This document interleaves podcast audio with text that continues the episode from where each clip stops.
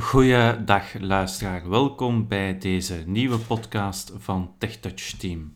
Vandaag wil ik jullie uh, meenemen naar een nieuw toestel dat wij als TechTouch Team onder andere aan het testen zijn. Het gaat over de Hable One.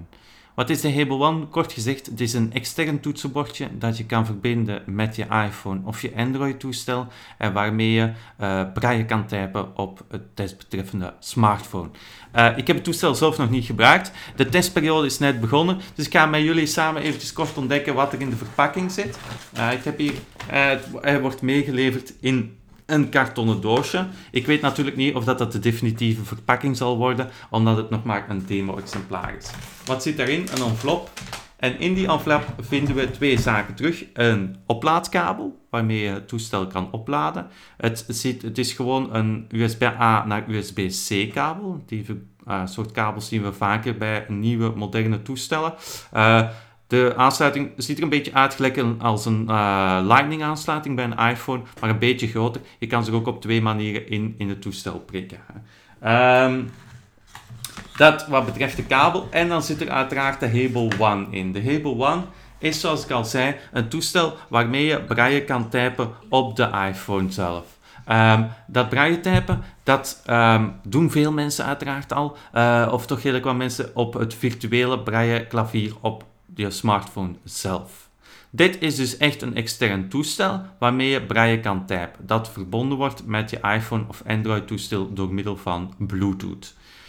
Um, we kennen dat soort toestel, het is een beetje te vergelijken met de Rivo. Het was ook een soort van uh, toetsenbordje, extern toetsenbordje, maar dat werkte dan via het principe van de oude Nokia telefoontoestellen, oude Nokia gsm's, waarbij je het 9 um, knops um, principe had om uh, letters en cijfers te typen.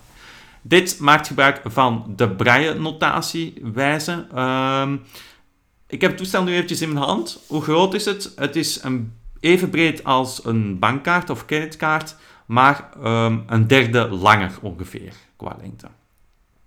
Uh, het weegt heel weinig. Het is echt heel licht. Als ik het vergelijk met mijn smartphone, ik denk dat het de helft zoveel weegt. Het is echt uh, van plastic gemaakt ook. Uh, ik weet natuurlijk niet hoe stevig het is en hoe lang het zal meegaan. Ook hoe lang dat de knoppen uh, goed gaan blijven werken. Daar kan ik niks over zeggen, omdat ik het toestel nog maar net in gebruik heb. Ik moet het samen met jullie ontdekken. Maar dat gaan we geleidelijk aan doen in deze korte reeks. Terwijl ik het toestel test, laat ik af en toe een podcast horen hoe het toestel is in gebruik. Um, nu eventjes het uiterlijk van het toestel. Ik heb het al beschreven in de lengte en in de breedte, hoe groot het is, hoe zwaar het is. Natuurlijk, hoe houd je het vast? Ik ga het toestel beschrijven aan de hand, aan de wijze waarop je het eigenlijk in gebruik moet nemen en waarop je het hanteert in het dagelijks gebruik.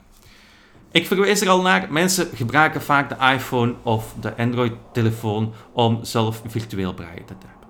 Je moet het toestel eigenlijk zo vasthouden zoals je je smartphone meestal vasthoudt als je virtueel braille typt. Wat betekent dat? Je houdt hem op zijn langs, hè, in landscape mode, uh, zoals je ook bij je gsm doet. Hè, uh, met het scherm van je weg typen de meeste mensen braille. Zo moet je de Hable One ook vasthouden.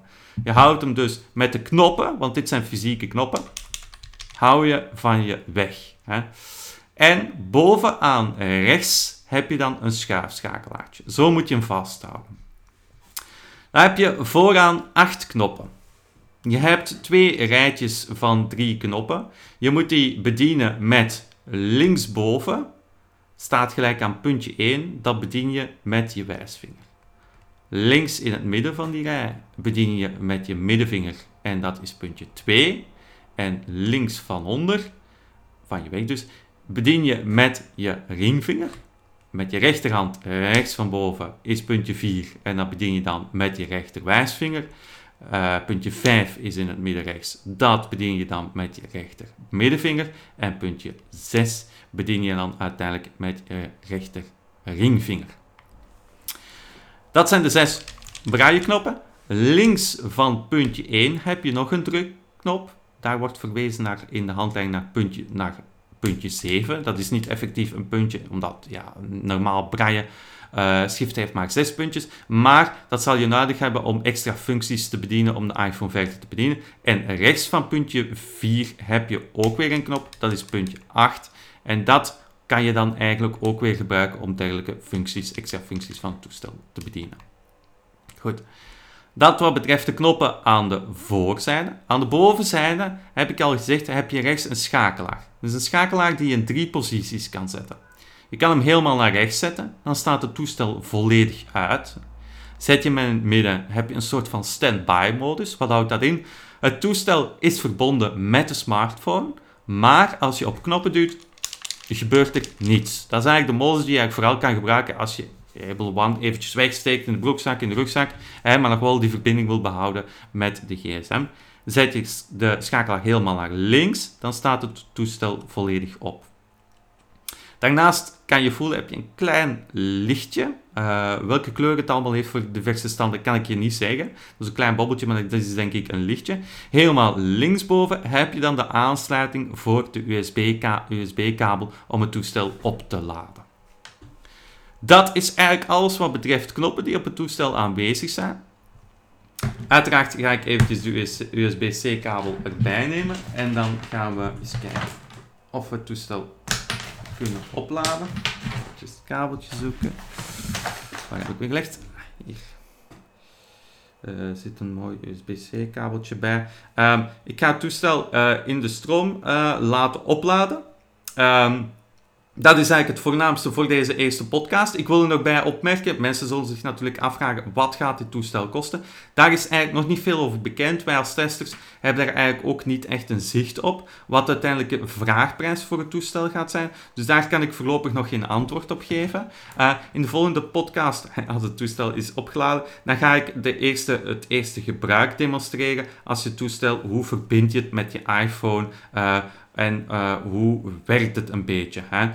Um, ik moet natuurlijk zelf even het toestel ontdekken. Ik heb natuurlijk een handleiding gekregen van de mensen die de Hable One, hebben ontwikkeld. Um, die handleiding ga ik natuurlijk ook eventjes doorspitten de komende dagen. En dan ben ik over een aantal dagen zeker bij jullie terug met een vervolg in deze reeks, in deze demo-reeks van de Hable One.